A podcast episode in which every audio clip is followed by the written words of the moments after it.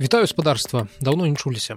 Часу няшмат сёння раскажу пра тое як з кампаніі цукерберга сачыцца кроў як твиттер стане над магілем жалезнага чалавека ў выпадку з іланом маскам як apple хоча зарабіць усе грошы гэтага свету як стваральнік інтэрнэту збіраюцца ўдасканаліць свой твор а невялічкі касмастартап ловіць ракеты з дапамогай верталёта Нагадаю для моўнай паліцыі, што дасканала беларускую мову я на жаль не ведаю. Таму гэты выпуск не трэба разглядаць у якасці навучальнага дапаможніка па белмове. Такім разе пачынаем. Акцыі Facebook ці мета, як зараз называюць гэтую кантору, у гэтым годзе абваліліся амаль на 70 процентаў і зараз каштуюць прыкладна столькі, колькі каштавалі 7 гадоў таму.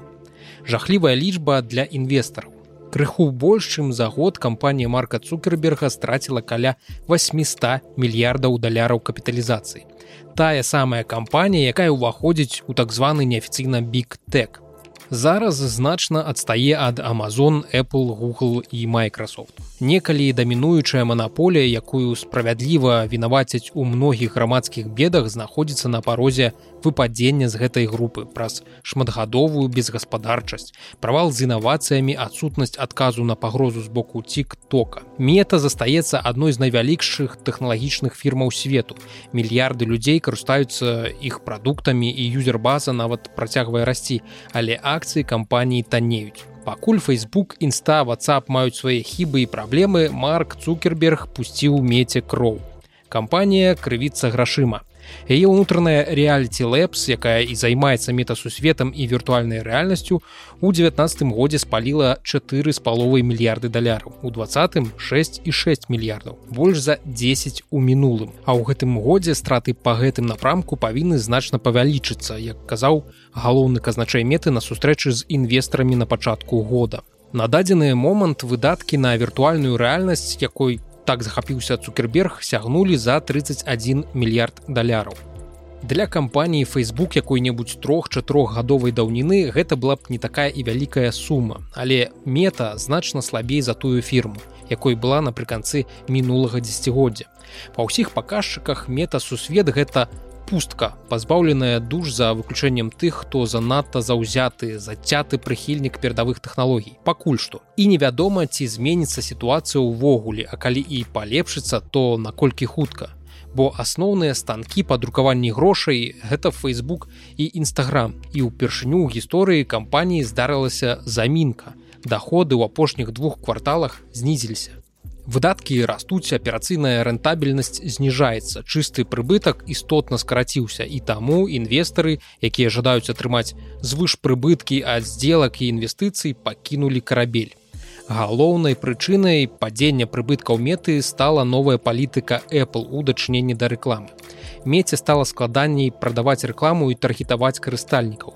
Цяпер жа apple збіраецца разглядаць любую куплю рэкламы ў мабільнай праграме facebook як лічбавую куплю на якую будзе распаўсюджвацца 30процентная камісія абстора пакуль рана казаць наколькі гэта паўплывае на Facebook але гэта не вельмі добры знак для інвестараў і будучага фінансавага стану кампаній як кампаніі ў такім стане акрыяць? Мабыць самым простым спосабам крывяпускам сярод супрацоўнікаў. Як чакаецца на гэтым тыдні мета збіраецца звольніць тысячы супрацоўнікаў. Усяго там працуе па стане на верасень гэтага года каля 87 тысяч чалавек. Верагодна, звальненні маюць быць сапраўды маштабнымі.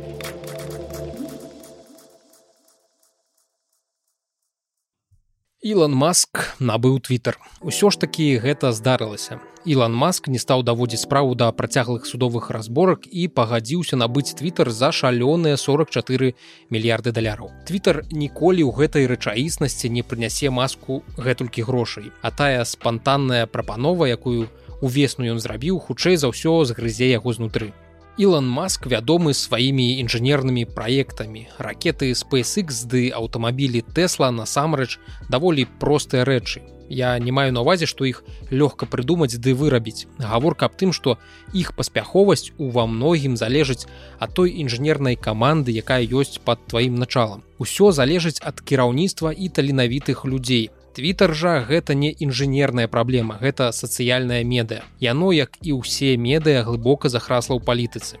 у твиттары няма ніякіх тэхналагічных вынаходніцтваў інавацый тэхналогій будучыні яе галоўны актыў гэта людзі што ёй карыстаюцца А Ілон Маск даволі кепскі ў зносінах з людзьмі. Не памятаю, ці расказваў я гэта, калі мінулым разам закранаў поста цілана маска і тое расчараванне, што ён нясе зараз для мяне мільёнаў апантаных тэхналагічным прагрэсам. Але маск як чалавек даволі такі сабе непрыемны тып. Калі ж размова ідзе пра маска кіраўніка, то яго софт-скілы наогул можна ставіць пад вялікае пытанне. Ці то наступствы сіндрома аспергера, ад якога ён нібыта пакутуе ці то разбэшчанасць усеагульнай любоўю але вось гэтыя скілы маска добра сябе выявіць падчас яго кіраўніцтва твиттером яшчэ раз чалавек які вельмі дрэнна умее ўзносіны з іншымі людзьмі набыў актыў які на умоўныя 90 процентаў залежыць ад людзей у якім людзі найгалоўнейшы актыў. Палітыкі журналісты знакамітасці ды і сам Ілан маск таксама ёсць тым актывам. Менавіта за тых людзей на пляцоўцы Ілан маск і выклаў 44 мільярды даляраў А людзі халера іх бяры надзвычай складаная матэрыя і ніякая пляцоўка не мае гарантыі, што ёй аднойчы не перастануць карыстацца. Мне тут успомніўся прыклад такога сайта як неогав. Гадоў 5 таму дакладна не памятаю, але гэта быў самы папулярны гульнявы форум на захадзе ім карысталіся і журналісты і распрацоўшчыкі. Там было шмат цікавых дыскусій інсайдаў і зліваў. Але ў нейкі момант заснавальнік і адзіны ўладальнік сайта быў абвінавачаны ў сексуальных дамаганнях.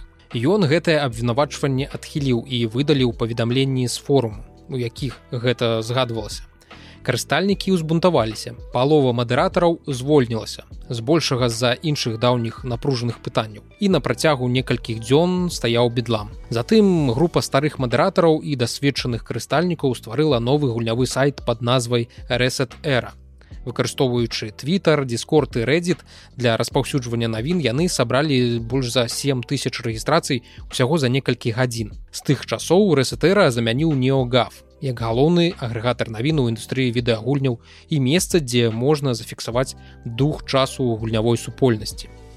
Паралелі не ідэальныя таму што твиттер які мае сотні мільёнаў актыўных карыстальнікаў у геаметрычнай прагрэсіі перавышае два гульнявых формы. Але гісторыя Reset Эра з'яўляецца прыкладам супольнасці, якая актыўна мабілізуецца і хутка перамяшчаецца з аднаго вэб-сайта на іншы, што некаторыя групы карыстальнікаў Twitter магчыма захочуць пераняць у сувязі з новым кіраўніцтвам.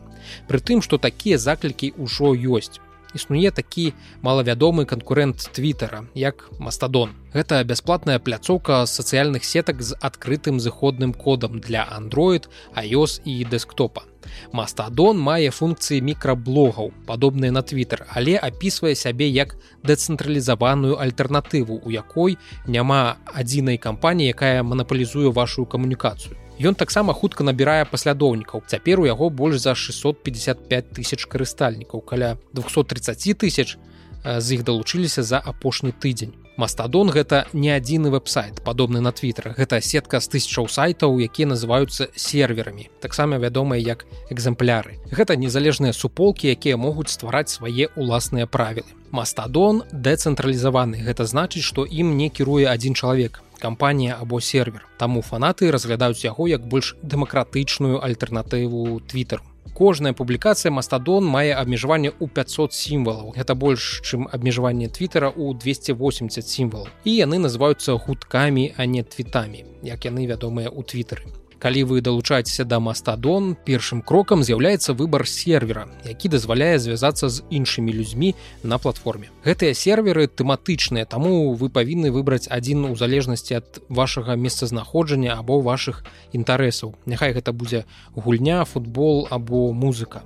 Вы можете сачыць за любым іншым чалавекам ва ўсёй сетцы незалежна ад таго дзе размешчаны яго ўліковы запіс і ці знаходзіцца ён на іншым серверы кожны сервер кіруецца незалежнай арганізацыяй або прыватнай асобай і таму ён можа адрознівацца палітыкай мадэрацыі. Кожны таксама можа наладзіць і запусціць уласны сервер мастадон атрымаўшы поўны кантроль над яго правіламі і палітыкай. Мастадон не размяшчае рэкламу і не адсочвае даныя карыстальнікаў для продажу рэкламадаўцам.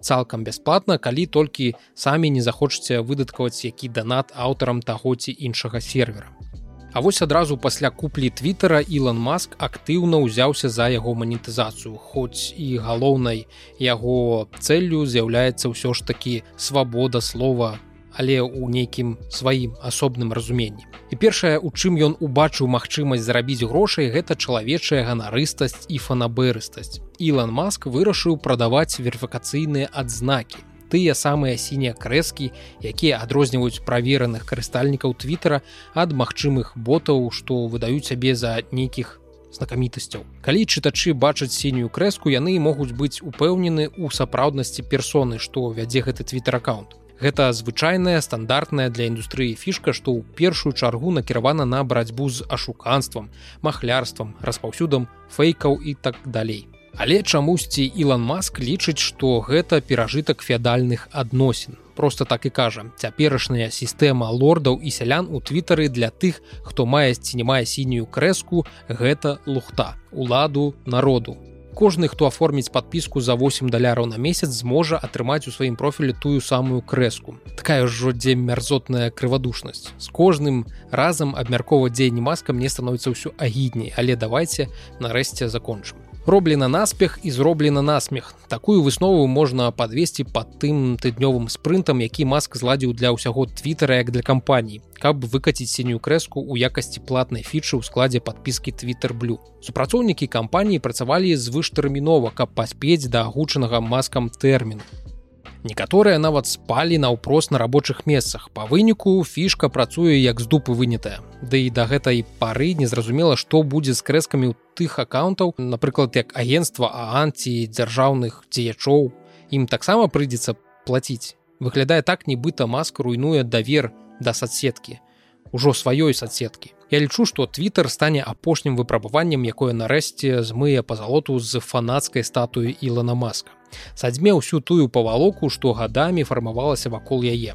Цяпер Ілан маск кароль твиттера і людзі будуць лічыць не беспадстаўна што менавіта ён адказны за ўсё што адбываецца на пляцоўцы. Абсалютная монархія дрэнная тым што калі ўсё не ідзе па плане то галава монарха можа апынуцца под гільятынай колькі заўгодна можна дэклараваць адданасць свабодзе слова але зарабляць не атрымаецца калі не гарантаваць рэкламадаўцам бренд сейфіці што іх рэклама не будзе размяшчацца побач з расізмам ці сексізмам. Ілан Маск жа разгарнуў шырокую кампанію па скарачэнні штату супрацоўнікаў Twitter. Значна пацярпелі аддзелы, што займаліся менавіта мадэрацыяй палітыкай бяспекі. Можа стацца, што за зусім кароткі тэрмін супердзялок Ілан Маск зруйнуе Twitter дашчэнту. Наўпрост дастану, калі садсетка перастане функцыянаваць больш-менш адэкватна. Я такому варыянту зусім не здзіўлюся. Ілан Маск набыў для сябе сапраўдны галаўны боль. Падаецца, ён верыць у нейкую сваю асаблівую чароўную ауру, што з любога гаўна здольная зрабіць залатую свінню. Але ж хоць прыбяры свінню золата, яна ўсё роўна ў хлеў пойдзе. Твиттер нашмат больш складаны прадукт, з якім дагэтуль даводзілася сутыкацца маску. Мадэрацыя контенту такіх вялікіх маштабаў у гэтулькай колькасці розных юрысдыкцый гэта складаная задача. І ўсе ненавідзяць тых людзей, якія вырашаюць, як гэта мадэрацыя працуе. Добрынькім ні для каго застацца не атрымаецца твиттер ужо віруе бо адміністрацыя пачала блакаваць аккаунты тых хто здзекуецца з ілана маска. Раней ён заявіў што камедыя цяпер легальная ў твиттеры але выявілася што ёсць нюанс. Калі толькі гэтая камедыя не тычыцца самого ілана дакладней яна можа тычыцца але камедыянты павінны наўпрост пісаць што іх твіт гэта пародыя справа ў тым што за апошнія некалькі дзён уліковыя запісы шэрагу вядомых правераных карыстальнікаў былі прыпыненыя пасля таго як яны здавалася парушылі але і не парушылі некаторыя новыя правілы установленыя новым уладальнікам сайта выявілася што свабода слова не азначае што можна падпісаць свой аккаунт як Ілан маск і расказваць ад імя Ілана аб тым як табе падабаецца зранку піць у рыну. Мае спачуванні Ілану маску але ён гэта заслугоўвае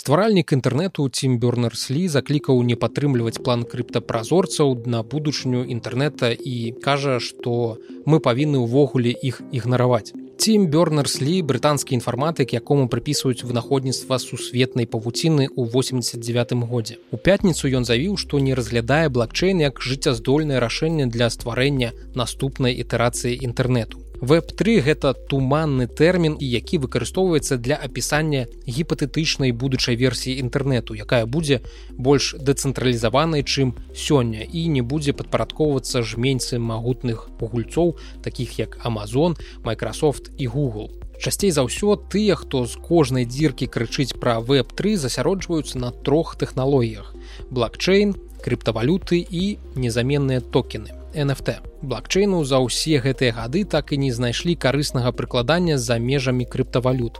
Ён занадта павольны, занадта дарагі, занадта публічны, а сховішчы персанальных данных павінны быць хуткімі таннымі і прыватнымі. Астатнія две тэхналогіі і ўвогуле хутчэй з'яўляюцца расхайпленай аванцюрай. У Бёрнерслі ёсць свой канцэпт таго, якім павінен быць веб 3.0. Ён кажа, што нашыя персанальныя даныя захоўваюцца некалькімі платформамі з ліку бигтэк, такімі як Google і Facebook, якія выкарыстоўваюць іх, каб заблакіраваць нас на сваіх платформах. У выніку адбылася вялікая гонка дадзеных, дзе пераможцам стала карпорацыя, якая кантралявала больш за ўсё дадзеных, а прайгралі усе астатнія. Таму Бёрнерслі заснаваў стартап, які засяродзіцца менавіта на тым, каб вярнуць карыстальнікам інтэрнэту права на вольнае валоданне сваімі данымі платформа завецца солід яна павінна даць кожнаму карыстальніку магчымасць выбіраць дзе захоўваюцца даныя якія канкрэтныя людзі і групы могуць атрымаць доступ да выбраных элементаў і якімі праграмамі вы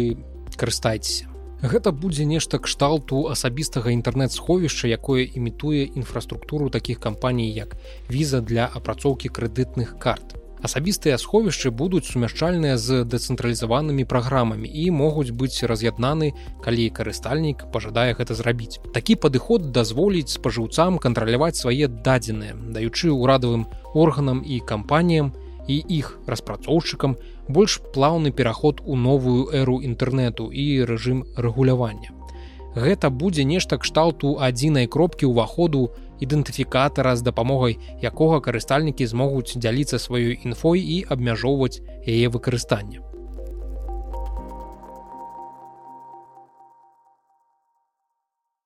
Яблыкавая кампанія на мінулым тыдні закідала хуй канал на Ютубе, дзе захоўвалася шмат відэаролікаў з мінулых канферэнцый дабдабDC. Гэта канферэнцыі для распрацоўшчыкаў софта пад прадукты Apple, якая з перапынкамі праходзіць з 83 -го года.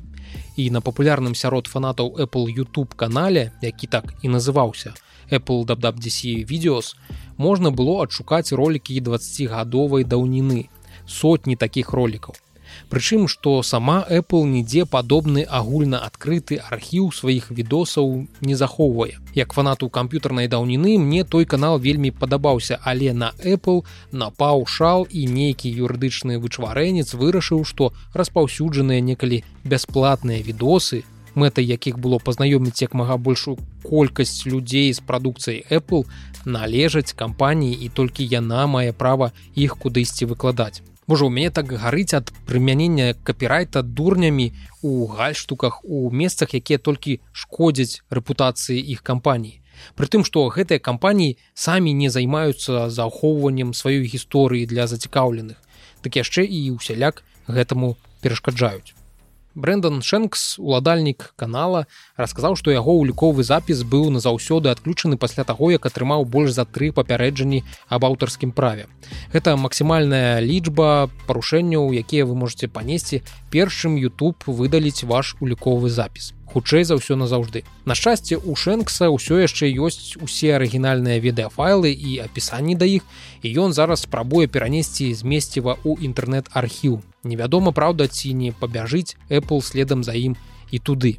У той час як гэты архіўны контент з'яўляецца інтэлектуальнай уласнасцю Apple, кампанія робіць зусім не лепшую працу, каб зрабіць сваю гісторыю лёгкадаступнай для прыхільнікаў. Здаецца, самае блізкае да афіцыйнага архіва, звязанага з кампаніяй, гэта невялікі архіў Стыва Джобса, які змяшчае электронныя лісты, відэа, і галасавыя кліпы, якія асвятляюць фрагменты яго жыцця. Сайт быў запушчаны ў верасні сябрамі і сям'ёй Джобса, але не самой Apple гэта карпорацыя карпорацыя якая зарабляе заход чыстага прыбытку под 100 мільярдаў даляраў. Але ўсё адное спрабуе знайсці яшчэ крышачку лакацыі под рэкламу.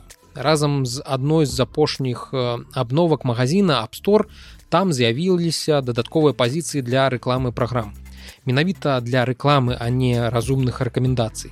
За грошыкі распрацоўшчыкам прапанавалі рэкламаваць свае праграмы ў магазине для Apple які ніякі прыбытак для распрацоўшчыкаў яшчэ адзін канал што дазволіць прывабіць карыстальнікаў але нешта пайшло не так. У хуткім часе платформу ахапіла рэклама сумнеўных праграм для азартных гульняў. Прытым з'яўлялася такога кшталту рэклама і ў рэкамендацыйных раздзелах. Вам таксама можа спадабацца на старонках якіх-небудзь праграм якія зусім не звязаны з гэмблінгам ці казіно ці нават гульнямі просто самае смешнае што такая рэклама была і на старонцы праграмы што якраз такі нацэлена на барацьбу з залежнасцю ад азартных гульняў. Рэклама праграм са стаўкамі на спорт онлайн казіно ўсё тое дзярмо што не мае аніякай карысці На шчасце Apple сачыла за пажарам у Twitter і іншых месцах і хутка абмежавала рэкламу азартных гульняў і некаторых іншых катэгорый у гэтых слотах. Вядома, гэта далёка не канец драмы.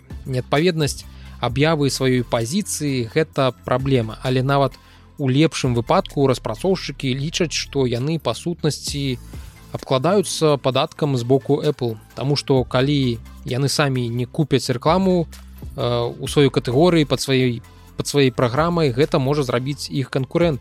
І под тваёй апкай з'явіцца рэкамендацыя ўстанавіць праграму канкурэнта. Як бы тое не было Apple дала зразумець што мае намер павялічыць доходы ад рэкламы нягледзячы на свой статус адной з самых багатых прыбытковых кампаній у свеце Рокет Лэп на мінулым тыдні лавіла першую ступень сваёй ракеты верталётам, але не шмагла. Вяртанне першай ступені ракеты дазваляе зрабіць яе часткова шматразовай і зменшыць выдаткі на яе эксплуатацыю ды запускі. Так ужо даўно робіць SpaceX з таго шылана маска, чые ступені ракеты Фалкан вяртаюцца на зямлю пры дапамозе сваіх рухавікоў. Амерыканская кампанія Rocket Lab вырашыла пайсці крыху па іншым шляху. Першая ступень іх ракеты электрон пасля адключэння рухавіка і заканчэння работы выпускае парашут з яго дапамогай хуткасць падзення ступені запавольваецца і ступень ловіць верталёт сікорскі с92 для гэтага ў яго ёсць доўгі трос з гакам. Гэта ў тэорыі. Рэчаіснасць пакуль не такая салодкая. Такі варыянт вяртання першай ступені тэсціравалі ў траўні гэтага года і верталёт нават злавіў гэтую ступень але нагрузка сталася настолькі вялікай што пілот быў вымушаны амаль адразу скінуць ступень На пачатку лістапада ў Новай Зеландіі стартавала новая ракета электрон. У якасці карыснай нагрузкі для яе выступаў навуковы спадарожнік Мэц шведскага нацыянальнага касмічнага агенства са стартавай масай у 50 кілаграмаў. На арбіце ён займецца даследаваннем атмасферных хваляў і працэсаў у верхніх пластах атмасферы зямлі. Са спадарожнікам усё добра. Яго вывелі на арбіту, але вось з дадатковай задачай па выратаванні першай ступені не зладзілі прыкладна праз две з паловай хвіліны першая ступень завяршыла працу а яшчэ праз некалькі хвілін раскрыўся парашут верталёт не змог ступень злавіць. Яна прываднілася ў акеан адкуль яе потым вылавяць з дапамогай службовага судна. Прычынай няўдачы названа страта тэлеметрыі ад першай ступені пакуль толькі у SpaceX атрымоўваецца удала вяртаць ступені на зямлю і паўторна іх выкарыстоўваць. Але тая ж Rocket Lab збіраецца паспрабаваць і вяртанне ступені з дапамогай рухавіка. Кампанія распрацоўвае ракету сярэдняга класа нейтрон якая зможа выводзіць на арбіту да 15 тонн карыснай нагрузкі. І вось у яе ступені павінны быць шматаразовымі. А яшчэ ў яе будзе даволі цікавая канструкцыя галаўнога абцякальніка. Ён будзе раскрывацца як пашча дэмагоргана з дзіўных спраў каб выпусціць другую ступень з карыснай нагрузкай а пасля зноў зачыніцца. І ў такім выглядзе разам з першай ступенню это будзе ўсё вяртацца на зямлю. Паглядзім як гэта будзе выглядаць у рэчаіснасці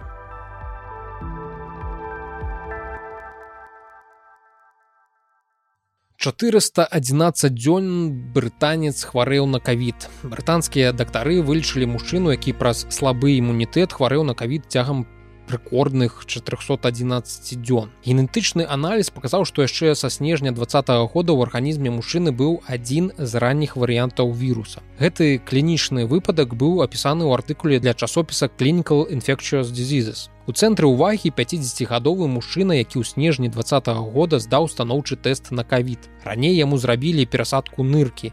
Яго імунітэт быў аслаблены, таму не мог справіцца з вірусам самастойна на працягу 13 месяцаў.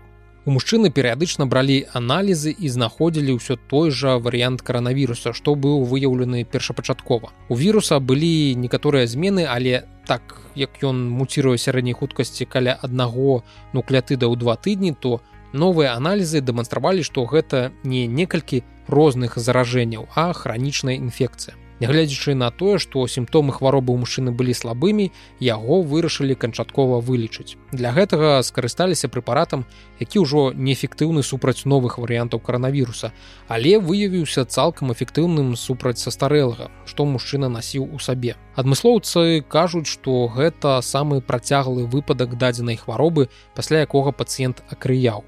Для параўнання у красавіку гэтага года лекары паведамілі аб смерці пацыента пасля 505 дзён кавіда. Яму пашанцавала меней.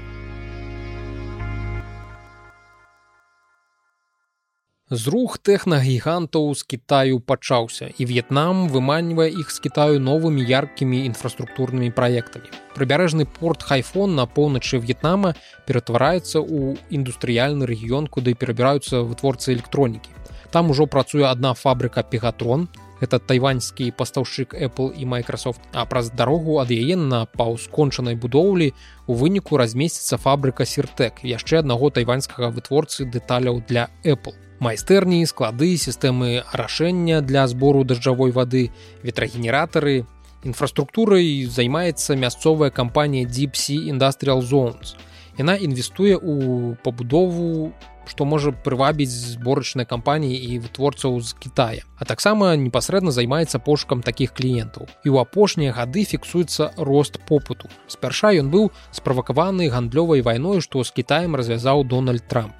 А цяпер інтарэс падштурхоўвае і палітыка нулявой цярпімасці да кавіда у самым Кітаі там рэгулярна працягваюць зачыняць на нявызначаны перыяд фабрыкі і цэлыя гарады, дзе былі выяўлены захварэўшыя на кавід. У спалучэнні з агрэсіўнымі дзеяннямі ЗША па абароне ланцужка паставак тэхналогій гэта робіць перспектыву заставацца ў Кіаі яшчэ больш рызыкоўнай.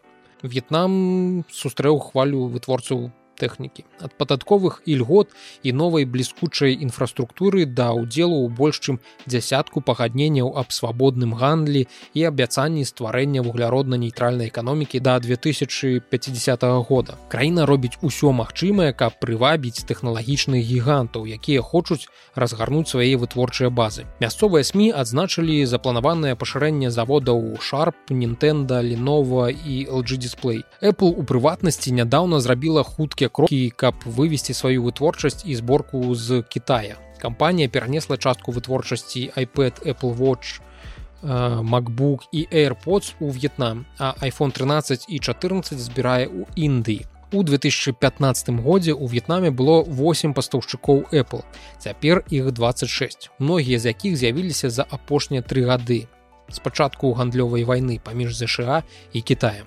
В'етнам прапанаваў для такіх кампаній вельмі салодкія умовы па падаткаабкладанню. У залежнасці ад сектара і месцазнаходжання кампаніі з замежнымі інвестыцыямі могуць карыстацца льготамі ад выплаты падаткаў на тэрмін да 4 гадоў. А поўны працэнт падатка пачне працаваць толькі праз 15 гадоў у выніку атрымоўваецца нешта што адпавядае падатковай стаўцы ўсяго ў чатыры з трацінай працэнтаў за першыя 15 гадоў. Вельмі нізкая стаўка а таму і попыт на паслугі в'етнамскай зямлі вялікі. Раней у гэтым годзе ўрад в'етнама зацвердзіў яшчэ 9 індустрыяльных паркаў якія пачнуць працаваць недзе праз год ці тры. А сыход тэхналагічных кампаній з Китаях хутчэй за ўсё ў бліжэйшыя гады толькі працягнецца Дзякуй за тое, што даслухалі гэты выпуск подкаста до конца. Не забудьте уляпіць падабайку, дзе б вы не шукалі гэты выпуск подкаста і подпісацца таму, што наперадзе у нас яшчэ шмат чаго цікавага. Дзякуй вялікі, пачуемся.